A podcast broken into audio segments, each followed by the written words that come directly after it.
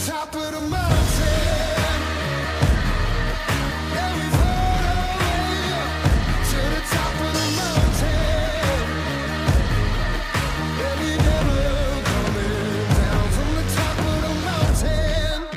guys, welcome to Sportakes. Jadi Sportakes ini adalah podcast yang membahas tentang dunia olahraga pastinya. Dan yang kita bahas di sini tuh ada MotoGP, ada basket dan juga yang pastinya ada sepak bola tentunya. Bersama gue Brian dan teman gue. Ata yang bakal temenin lo setiap minggu selama dua kali selama Senin sama Jumat kita bakal up up tentang podcast terbaru kita yaitu tentang update-updatean apa aja sih yang ada di dunia olahraga itu dan jangan lupa untuk stay tune terus di podcast kita ya eh by the way nih nih kita udah punya sebutan belum nih buat para teman-teman yang dengerin kita nih Nah, jadi sebutan untuk para pendengar podcast kita ini adalah Sportaholic. Jadi, so buat kalian para Sportaholic, stay tune terus di podcast kita, oke?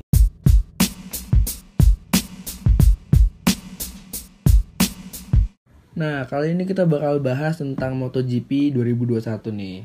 Untuk MotoGP sih jagoan gue tetap dari dulu sampai sekarang itu di daftar meskipun tahun ini dia kayaknya udah nggak bisa bersaing lagi untuk gelar juara. Nah, kalau dari lu nih ya nih, kira-kira jagoan lu siapa sih nih untuk tahun ini? Nah, untuk tahun ini sih sebenarnya jagoan gue Kotaro ya. Meskipun sebenarnya jagoan asli gue tuh Rossi ya kan. Jagoan semua orang. Oh, berarti berarti Iya. ini, lu ini karbitan nih, karbitan. Enggak, gue liat fakta aja. liat realita aja gue. Berarti lu nggak loyal sama Rossi ya? Lah, loyal kadang. Kenapa nih? Kenapa lu ya, bisa yakin kayaknya Quartararo nih secara performa atau gimana Jelas nih? Kenapa? satu secara performa ya. Karena kan gue lihat nih, gue nonton MotoGP dari awal kan, dari si- dia race di Qatar. Itu penampilan Quartararo tuh selalu konsisten meskipun kadang ya suka kadang inkonsisten juga, kadang nggak podium, tapi lebih dominan dia podium. Bisa dilihat aja nih di klasemen MotoGP 2021. Posisi Quartararo itu ada di klasemen paling atas di posisi pertama dengan 131 poin dan itu jauh banget bedanya dari poinnya Johan Zarco yaitu 109 dan kalau misalkan nih dia konsisten terus di 10 race terakhir yaitu di Finlandia, Austria, Inggris, Aragon, San Marino, Jepang, Thailand, Australia, Malaysia sama Valencia. Kalau dia konsisten nih semuanya juara satu terus udah dipastikan dia bakalan jadi juara dunia buat tahun ini dan tidak ada lagi yang namanya Mark Marquez apa itu Mark Marquez Tapi kayaknya menurut lu nih ya nih, Hmm. tahun ini Quartaro emang jago atau karena Marquez cedera nih? Nah, itu menarik tuh. Menurut lu gimana nih Yan? Apa karena keberuntungan dia Marquez cedera atau karena emang dia jago gitu ya? Kan siapa tahu nih karena eh, rezeki anak soleh nih si Quartararo pas banget dia lagi momentum dan si Marquez lagi cedera jadi kan Iya. saingan terberatnya udah nggak ada nih Iya. apalagi ditambah Rossi yang udah nggak kompetitif terus eh, Lorenzo sama Pedro yang udah cabut dari MotoGP kan secara nggak langsung nama-nama besarnya tinggal Quartararo ada Iannone ada Espargaro ada Dovizioso juga Iya. Cuma kan mereka semua inkonsisten nih. Apakah faktor terbesar dari Quartararo ju- juara atau akan menjadi juara ini karena Marquez cedera nih? Menurut lu gimana ya? Kalau menurut gue sih bisa dua-duanya ya. Kalau soalnya gini, kalau misalkan kayak yang musim lalu nih yang 2020, itu kan yang juara Joan Mir, ya kan? Nah, kalau itu menurut gue emang pure karena Marquez cedera. Hmm. Nah, kalau tahun ini, kalau menurut gue sih itu bisa dua-duanya bisa karena emang Quartararo-nya jago, bisa juga emang karena Marquez cedera. Tapi kalau menurut gue, kalau misalkan disuruh pilih, gue lebih memilih karena emang Quartararo-nya lagi OP. Lagi open ya? Iya, emang lagi OP gitu. Apakah karena Quartararo-nya OP atau tim pabrikan dari Yamaha? Karena musim lalu kan Quartararo belum di Yamaha nih. Iya. Apakah faktor Yamaha Petronas akan sangat mempengaruhi Quartararo? Oh iya dong, jelas dong. Karena kan bagus enggaknya rider MotoGP kan tergantung motor. Hmm. Kalau misalkan motornya jelek ya otomatis ridernya bakalan jelek. Kalau emang motornya bagus, ya pasti otomatis ridernya juga akan bagus gitu loh. Tapi ada juga nih yang menarik nih nih. Apa? juara bertahan musim lalu yaitu Joan Mir jauh banget nih merosotnya nih dari persaingan nih. Nah, itu. Apakah kemarin kemarin itu cuman re- cuman kebetulan belaka ataukah memang dia ber- berkapasitas untuk menjadi juara dunia nih? Karena tahun ini secara logika nih ya, misalnya Iya. Joan Mir tetap sebagai juara sejati kayak dia satu dua gitu sama Quartaro. Cuman ini jauh banget Nah, Quartaro itu. Ada di posisi pertama, sedangkan Joan Mir ada di posisi kelima ke enam. Nah itu kan gue bilang dia tuh faktor faktor beruntung sebenarnya kalau Joan Mir itu karena kemarin dia juara tuh karena gak ada Marquez aja. Hmm. Kalau Marquez main, ya tetep lah bakalan Marquez yang juara. Nah tapi kalau misalkan Marquez sampai sekarang masih masih balapan, nanti dia bakal gue yakin banget bakal saing-saingan terus sama Quartararo, bakal ketat lah gitu saingannya. Gitu. Terus menurut lo nih kenapa sih tahun ini nih kayak banyak nama-nama asing nih yang muncul di klasemen top 10? Ada ada Joan Zarco, Hmm. ya ada Jack Miller, ada Francesco Bagnaia, ada Miguel Oliveira sama Brad Binder. Padahal kan yang nama-nama yang kita tahu nih sebagai masyarakat awam nih, itu ada Quartararo salah satunya, ada Maverick Vinales, Iya. Ada Andrea Iannone, Andre Dovizioso pada ke mana sih nih Yan? Kok pada nggak ada nih? Apakah Hmm. musim ini ada sesuatu yang disengaja kah atau seperti apa nih? Ada konspirasi. ada konspirasi atau ada pengaturan klasemen nih menurut lo nih coba nih Yan? Ah, kalau menurut gua kalau yang tadi lu bilang tuh Yanone tuh emang dari musim kemarin udah nggak pernah muncul tuh semenjak dia keluar dari Ducati. Dia kan pindah ke Aprilia ya. Hmm. Mungkin ya kalau di MotoGP juga Aprilia namanya kurang tenar pak, kurang banyak prestasi gitu. Hmm. Nah, gue juga nggak tahu alasan dia pindah ke Aprilia kenapa, tapi yang jelas namanya tuh udah redup banget lah Yanone itu. Nah ini kalau misalkan kita lihat di ini top berapa nih? Top 10. Top 10 lah ya ini. Nama-nama kayak Ion Zarco, Jack Miller. Nah ini dua ini kan kebetulan dia Emang alumnus Moto2 ya, Iya. mereka juara Moto2 Iya. yang bisa bersaing di MotoGP. Mm-mm. Dan ini mereka ini berdua ini rider Ducati. Nah, Ducati itu lagi bagus pak. Dari musim lalu juga kita tahu sendiri lah Ducati gimana ya kan. Ducati Yamaha emang persaingannya Hmm, cukup ini ya. Iya, nah itulah kenapa dua rider ini tuh jadi sa- salah satu yang masuk di top 3 lah karena Ducati itu emang sejarahnya kan dari dulu kan ya emang motornya bagus gitu loh dan juga ridernya semuanya tuh pro semua bagus-bagus semua terus yang lagi naik banget tuh musim sekarang ini KTM nih contohnya nih si Brad Binder Hmm. Nah ini dia rider KTM. Nah ini kenapa KTM bisa bagus? Soalnya kalau yang gue perhatiin ya, karena ada efek Pedrosa yang jadi rider tesnya KTM. Nah dia tuh dia pokoknya semenjak Pedrosa datang, Kualitas mesinnya Iya. si KTM nih iya, upgrade parah, banget nih ya. Banget parah. Pokoknya dia ngebawa perubahan banget lah di KTM. Pokoknya ngebawa KTM jadi Bisa bersaing sama Iya, tim-tim besar yang lain iya, ya. Sama pabrikan besar yang kayak gitu.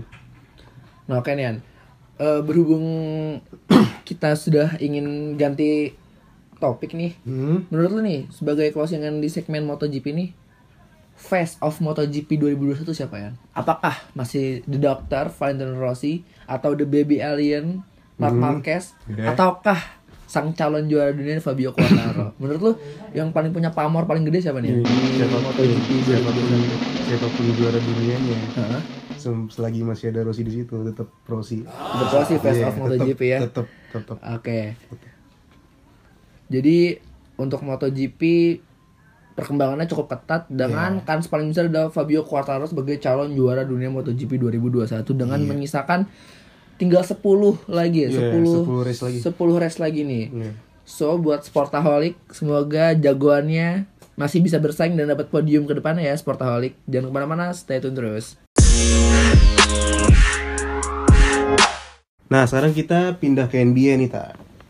Jadi NBA ini kan sekarang udah nyampe di conference final ya kan? Hmm. Tapi sebelum itu gue mau nanya dulu nih, menurut lu NBA tahun ini terutama di playoff tuh gimana nih? Menurut gua di playoff tahun ini banyak banget kejutannya sih Yan. Hmm. Maksudnya banyak tim-tim kuat yang diprediksi oleh banyak orang bakal jauh di playoff ternyata Iya.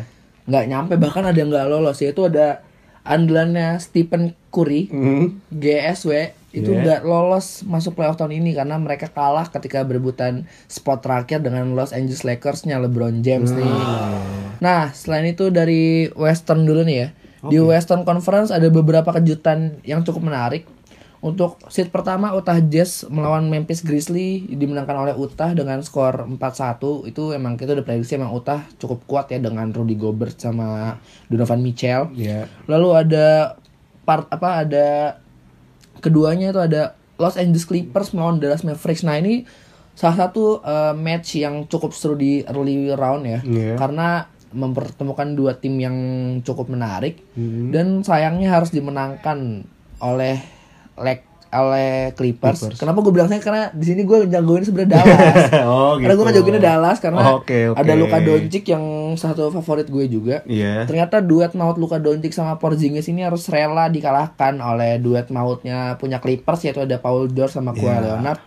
Lalu ada Denver Nuggets versus Portland Trail Blazer Iya. di mana Denver memenangkan pertarungan 4-2 dengan senjata utama mereka ada Jamal Murray sama Nikola Jokic sebagai MVP tahun ini. Siap. Dan Portland bukan dalam perlawanan karena mereka punya pemain-pemain guard yang sangat bagus yaitu ada CJ McCollum sama Damian Lillard.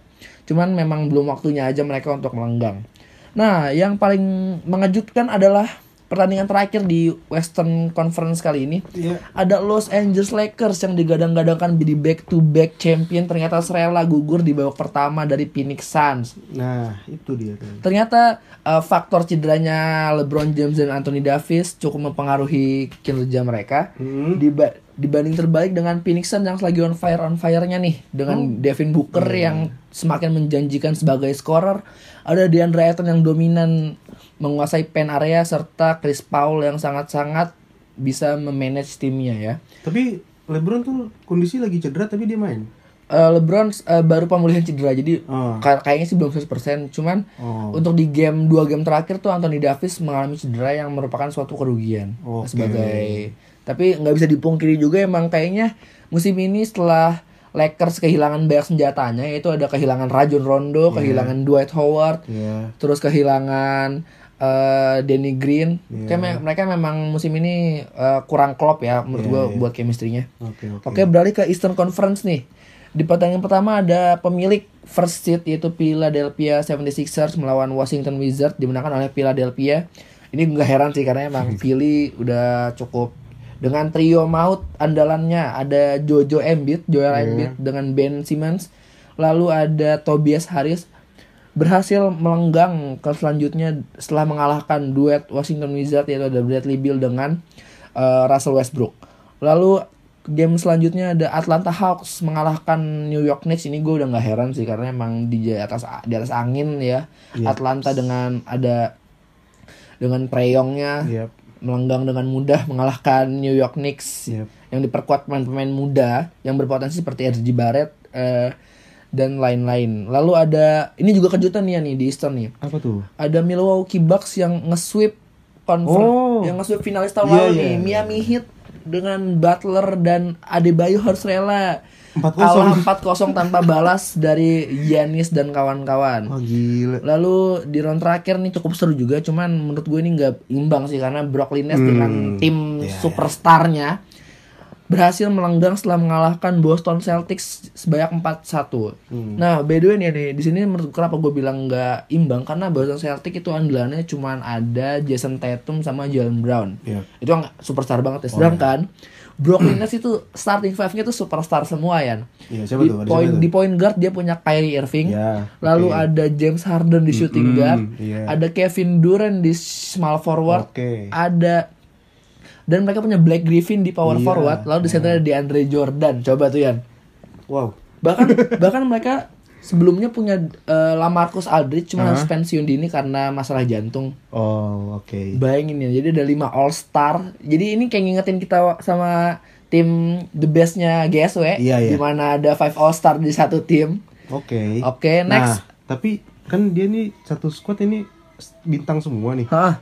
Nah, yang bisa bikin mereka kalah dari Milwaukee apa itu menurut lu? Nah, menurut gue nih, by the way ini udah next roundnya adalah Milwaukee Bucks melawan Brooklyn Nets Iya. yang dimenangkan oleh Milwaukee Bucks dengan skor 4-3. Ah, Menurut lu, menurut gue nih ya, Iya. kenapa dia bisa kalah dari Bucks? Karena pertama eh, pemainnya ada yang cedera, yaitu Kyrie Irving cedera. Oh gitu. Oh, Terus eh, jadi gini ya, waktu dia ngelit tuh mereka top 3-nya tuh main. Jadi Kyrie Irving main, James Harden main, Kevin Durant main, Griffin main. Nah, cuman di 3 2 sampai 3 games terakhir itu yang main cuman Durant sama Griffin karena Oh. Harden sama Irving cedera. Jadi Oh, kayaknya gitu. faktor kehilangan dua pemain bintang mereka sangat-sangat mempengaruhi karena emang kita nggak bisa pungkiri ya, Nek.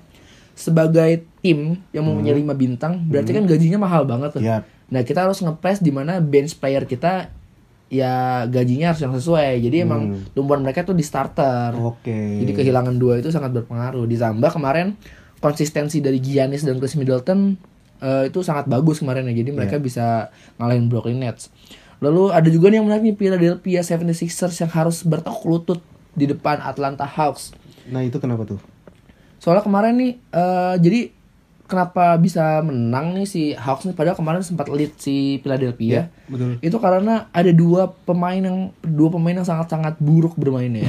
Yaitu adalah dua pemain bintangnya Sixers. Loh, justru pemain bintang nih yang pemain buruk. Eh, soalnya kemarin di game ke di game ke-6-nya itu si Joel Embiid tuh Ya. sempat eh persentasenya tuh jelek banget kan. Persentasenya di bawah 20%. Waduh.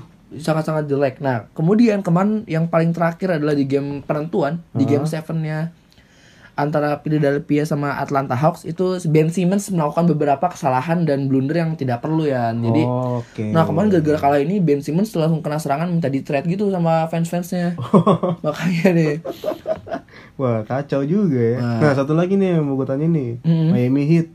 Padahal musim lalu kan finalis nih.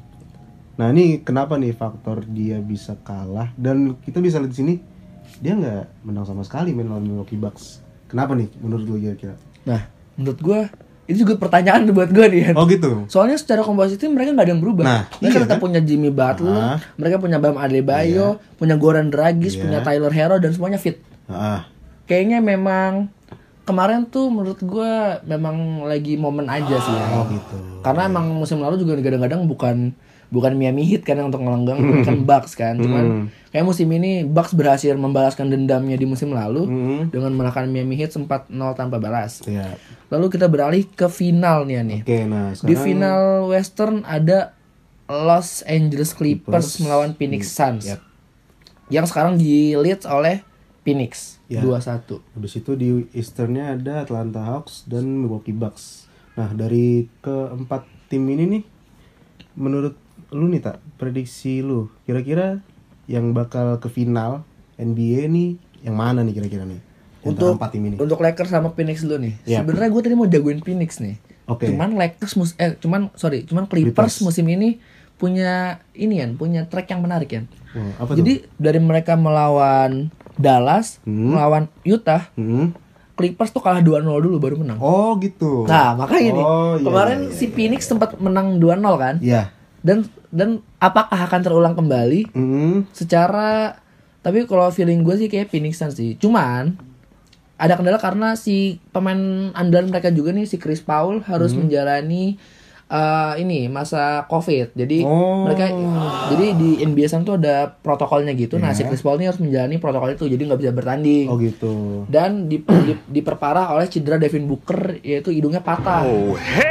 Jadi setelah bertabrakan sama Patrick Beverly, jadi bukan harus main pakai masker gitu. Iya, iya, iya, iya. Yang kayaknya sih bakal ngurangin tajinya dia. Soalnya kemarin di game terakhir tuh yang eh, Phoenix kalah si Booker lagi bau banget nge-shootnya gara-gara pakai masker. Oh gitu. Jadi menurut gue nih masih ya 60-40 gue megang Phoenix sih untuk melenggang ke Ya, final. berarti ada peluang buat Clippers untuk Masih ada, ya. masih ada. Karena Oke. sejauh ini pun Clippers belum diperkuat oleh Kawhi yang lagi pemulihan cedera. Ah, iya. Nah, jadi masih ada kans lah untuk keduanya. Gue megang 60-40 buat Phoenix. Oke, nah untuk Eastern Conference nih, kira-kira siapa nih? Eastern Conference ini gue sih 50-50 sih kalau buat gue. Hmm, Karena eh, Atlanta House eh, dengan duet Trae Young sama John Collins untuk melawan The Greek Freak yaitu adalah Giannis Antetokounmpo Iya. yang sangat dominan di front. Kansnya menurut gue sih 50-50 karena Iya. keduanya bermain eh, secara kita nggak bisa lihat karena masih sama sih ya. Cuma kalau boleh milih sih gue pengennya ya, Hmm. pengennya finalnya Phoenix Suns lawan Atlanta Hawks. Oke. Pengennya. Phoenix Suns lawan Atlanta Hawks. Karena dua tim ini sebelumnya tuh bener-bener turn, turn point banget. Iya iya. Cuma dua musim terakhir tuh mereka memang bener-bener di bottom seat dan sekarang mereka one step away from the Iya, finals. iya, Jadi iya. bakal menarik banget nih ngeliat perjuangan pemain-pemain muda seperti Trae Young dan Devin Booker meraih ring pertama mereka. Oke, itu tadi prediksi Ata ya. Jadi finalnya Phoenix Suns dengan Atlanta Hawks. Atlanta Hawks. Oke. Satu pertanyaan terakhir. Apa nih? Dari dua tadi, siapa Ah. yang bakal juara? Yang bakal juara ya? Iya. Kalau konsisten gue megang Phoenix Suns. Karena Phoenix mereka Suns. punya senjata-senjata yang lebih banyak dibanding dibanding Atlanta Hawks. Atlanta Hawks. Karena Atlanta Hawks kalau kalau mereka bisa matiin Treyong ya, Iya. kayaknya sih mereka bisa bisa nge- ngamanin posisi mereka sih. Karena emang kunci Atlanta Hawks ada di Treyong, benar. Tidak ada pemain lain tuh ya. Yang tumpuan utamanya sih Tumpuan utamanya utama sih Treyong. Karena kalau di Phoenix Suns mereka punya scorer-scorer yang udah udah kepastinya udah Iya. ada Devin Booker. Devin Booker adalah pemain termuda yang nyetak 70 poin. Ada Chris Paul dengan julukannya point guard karena memang kelebihannya sangat-sangat bagus ketika menjadi point guard di permainan. Lalu ada di Andre Ayton yaitu first pick tahun lalu yang di pen area juga semakin mumpuni dengan double digit average-nya gitu. Oke, thank you Ata. Jadi itu dia Sportaholic pembahasan kita mengenai NBA. Dan setelah ini kita bakal bahas seputar olahraga favorit kita semua yaitu adalah sepak bola. So, stay tune terus. Nah, sekarang masuk ke segmen favorit kita semua nih, Sportaholic. Itu ada segmen sepak bola nih. Tentang Euro 2020. Yan, menurut lu gimana ya Euro 2020 nih Yan nih? Menurut gue Euro 2020 kali ini menarik ya. Sekarang kan udah masuk ke 16 besar nih. Hmm? Di mana tim-timnya itu ada Belgia ketemu sama Portugal, lawan Portugal. Terus ada Italia lawan Austria. Terus ada Prancis lawan Swiss, ada Kroasia lawan Spanyol. Terus ada Swedia lawan Ukraina, Inggris lawan Jerman, Belanda lawan Ceko, Wales. Terus yang terakhir ada Wales lawan Denmark. Nah, prediksi lu nih Yan, siapa yang kira-kira bakal ketemu di final? Oke, eh, kita mulai dari bagian kiri dulu ya.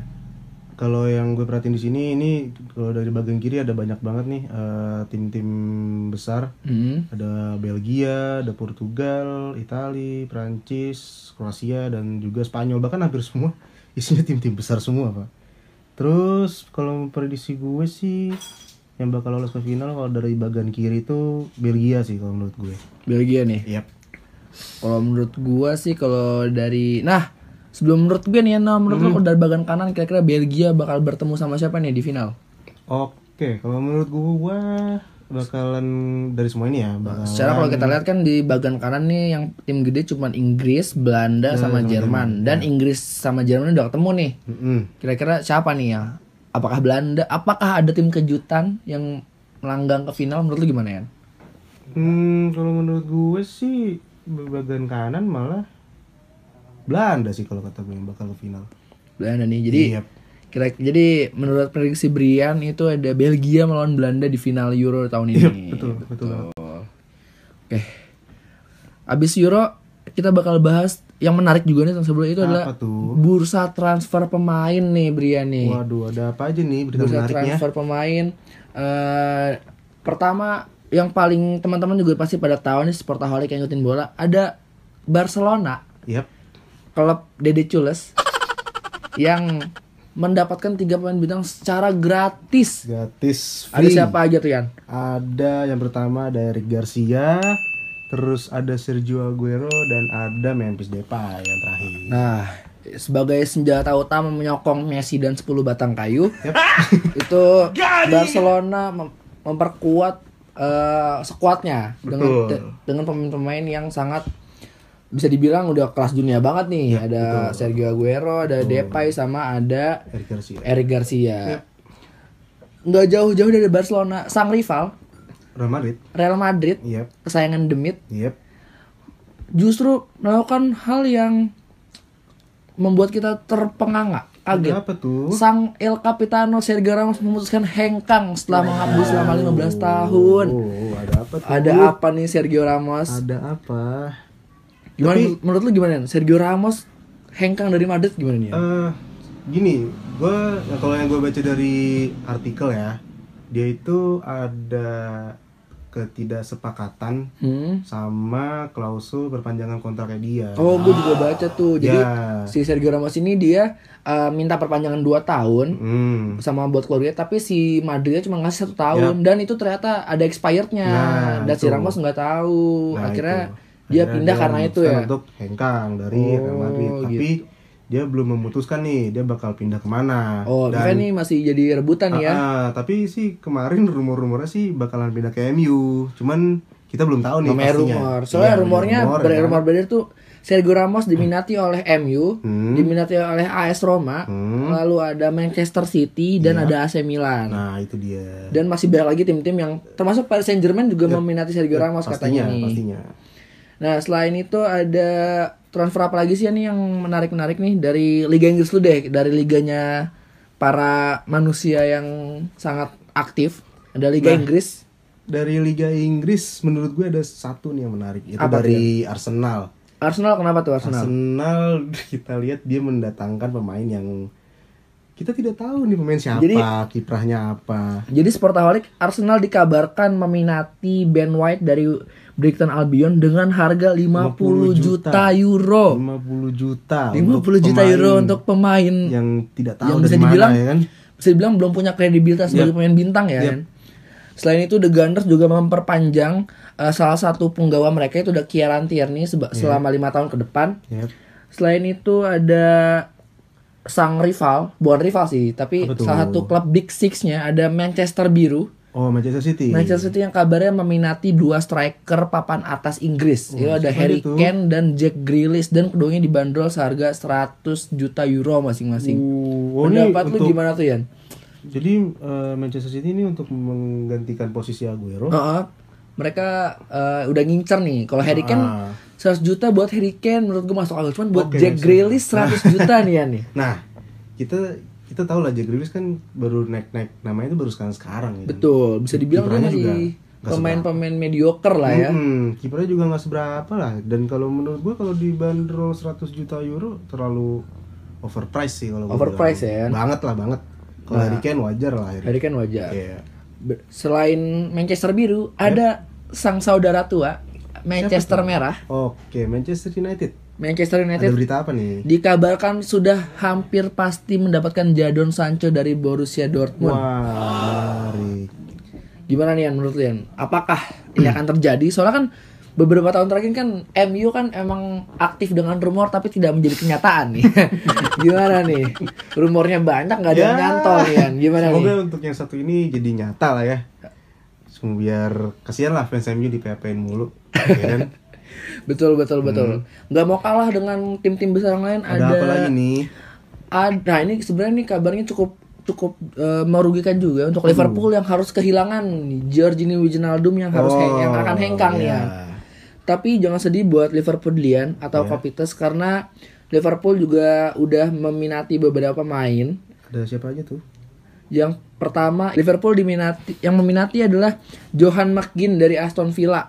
Jadi Liverpool ini mencari pemain penggantinya. Oh, dan eh, harganya tuh cukup eh, mahal ya, sebut 30 juta euro untuk pemain yang bisa dibilang kurang terkenal nih. Oke. Lalu kita beralih sedikit ke Liga Italia. Iya, Itu ada, ada-? Ada Juventus yang Iya. meminati gelandang andalan dari Sassuolo itu Manuel Locatelli. Oke. Sepertinya Juventus juga setelah musim ini kehilangan tahtanya dia, Iya. dia kayaknya mau memperkuat lagi nih ya nih. Ingin mengembalikan tajinya. Betul sekali. Iya, betul. Lalu ada eh ada Fiorentina. Nah, Oke. Fiorentina nih menarik ya. Biasanya Apa kita tuh? transfer pemain ini pelatih. Oh, Jadi siapa? Gennaro Gattuso yang baru baru dilantik 20 hari menjadi kepala tim atau kepala pelatih Fiorentina mengundurkan Iya. diri karena eh, adanya ketidaksetujuan dengan manajemen terkait transfer pemain. Iya. Lalu Fiorentina juga membidik Nicolas Gonzalez dari Stuttgart. Hmm. Kemudian ada dua ibu kota, ada AC Milan, Inter itu? Milan. Oke. Kita mulai dari Inter Milan dulu. Oke. Inter Milan ter- terancam kehilangan Ashraf Hakimi kepa- Mhm. yang akan hijrah atau pindah ke PSG. Oke. Tapi dia sudah lebih dulu menggencarkan atau mencari penggantinya itu adalah pemain dari rival sekotanya yaitu Hakan Calhanoglu yang rela pindah ke Inter Milan dari AC Milan. Wah, menarik itu ya. Sangat menarik berhubung. jadi gini seperti berhubung gua Milanisti, jadi gua agak emosional ya ketika Calhanoglu pindah. Jadi Calhanoglu ini pindah ke Inter Milan yaitu rival sekuat AC Milan dan langsung tanda tangan kontrak. Tapi sebelum transfer kejadian ada rumor-rumor nggak kalau emang dia bakal ke Inter?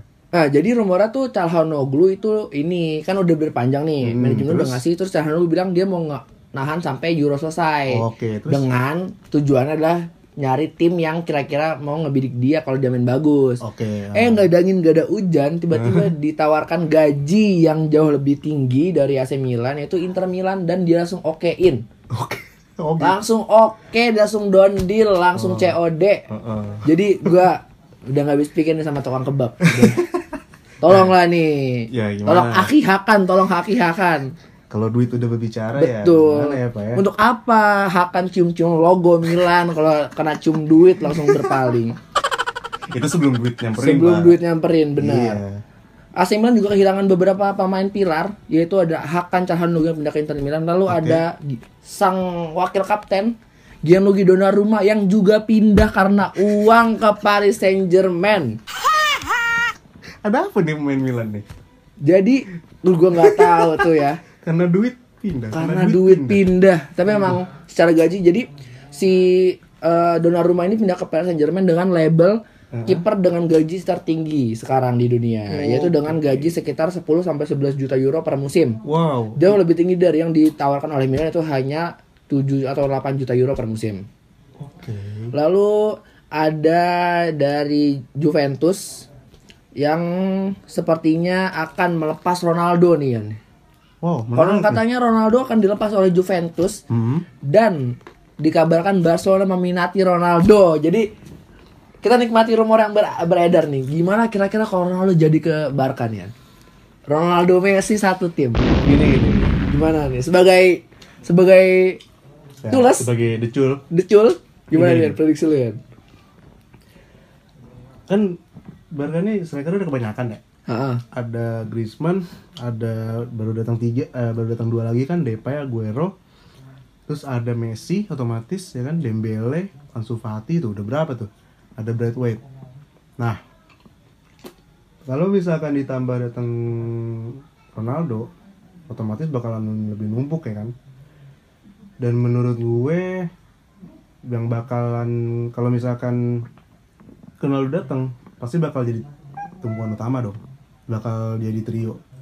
Dan itu bakal jadi trio yang oh mematikan sih kalau gue bilang. Dan itu susah buat dihentikan gitu. Karena pasti kita bakal ngelihat dua goat dalam satu tim. Ada Messi ada Ronaldo. Dan itu pasti akan menjadi duet yang sangat mengerikan untuk tim-tim lain. Tapi hal ini kayaknya bakal bisa terwujud karena kabarnya Filipe Coutinho Filipe Coutinho, Oh, sorry, Coutinho. Filipe Coutinho dikabarkan diminati oleh Leicester City nih. Iya. Setelah dia mengalami penurunan karir di Barcelona, kayaknya dia ingin mencari eh, permainan terbaiknya lagi di tim lain. Hmm. Lalu ada Gabriel Jesusnya Manchester City yang dikabarkan diminati oleh Juventus sebagai pelapis atau diplot sebagai pengganti dari Ronaldo. Gimana nih? Oh, Oke. Jadi emang tim-tim ini kayaknya dia udah tahu pemainnya bakal pindah jadi dia langsung berburu lagi Iya, nih. iya, iya, betul betul betul. Lalu bursa terpanas tahun ini ada Apa pada Eri- Erling Braut Haaland. Wah, ada apa? Siapa nih? yang nggak tahu Erling Haaland itu adalah pemain striker dari Borussia Dortmund yang kabarnya diminati oleh berbagai tim Iya, besar. betul. Namun balik lagi dia harus meneb- bagi tim yang meminati Haaland harus rela mengerogoh kocek sekitar 170 juta euro ya. banget. Karena berdasarkan transfer market ya. eh, sebagai most valuable players di dunia adalah pertama ada Mbappe dengan 160 juta euro. Iya. Lalu ada Erling Haaland 130 juta euro, ada Harry Kane 120, Yap. ada Jadon Sancho milik Borussia Dortmund dengan harga 100 juta euro, lalu ada Romelu Lukaku-nya Inter Milan Iya. dengan 100 juta euro juga. Yap. Ada Muhammad Salahnya Liverpool dengan 100 juta euro, lalu ada pemain termahal saat ini ada Neymar Junior Mhm. dengan 100 juta euro, lalu ada playmaker andalan Manchester Biru ada Kevin De Bruyne dengan harga 100 juta euro. Lalu ada dua pemain muda nih ya, yang tidak disangka-sangka merangsek masuk ke pe- 10 pemain termahal Siapa aja tuh? ada playmaker dari Barcelona ada Frenkie De Jong Oh, iya. dengan harga 90 juta euro Ya. dan pemain yang tak tergantikan di Bayern Munchen itu ada Joshua Kimmich Oh, dengan iya. 90 juta euro. Waduh. Nah, berhubung Munchen nih, kabarnya juga pemain mereka Javi Martinez dikabarkan diminati oleh Barcelona. Gimana nih? Sebagai sebagai decul gimana nih? Javier Eh, Martinez diminati.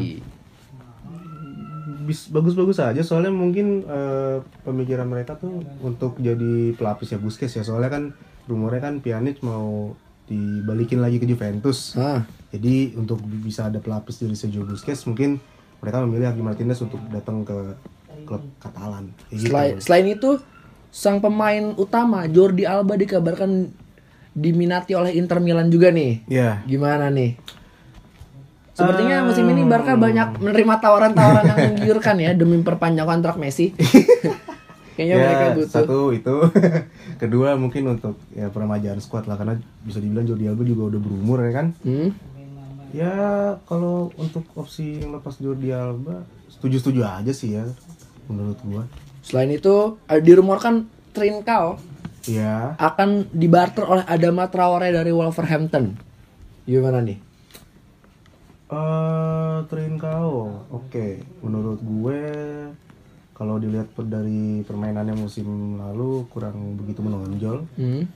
jadi kalau untuk opsi barter dengan Adama Traore ya kebetulan mungkin akan jadi opsi yang lumayan menarik lah ya Ya, itu aja menurut gue.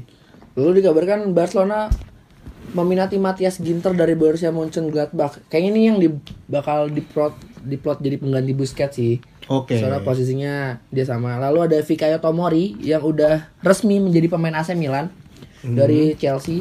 Lalu ada Sandro Tonali dan Brahim Diaz yang memperpanjang masa baktinya di AC Milan dengan status pinjaman dan pelunasan. Lalu ada dari Liverpool juga meminati kapten AS Roma yaitu Lorenzo Pellegrini ya yang kemungkinan akan diplot menjadi pengganti atau pelapis dari Jordan Henderson. oke Gimana nih? Soalnya menurut lo kira-kira yang paling aktif di bursa transfer kali ini siapa sih? Soalnya banyak banget pemain-pemain bintang yang kayaknya dia bakal pindah nih.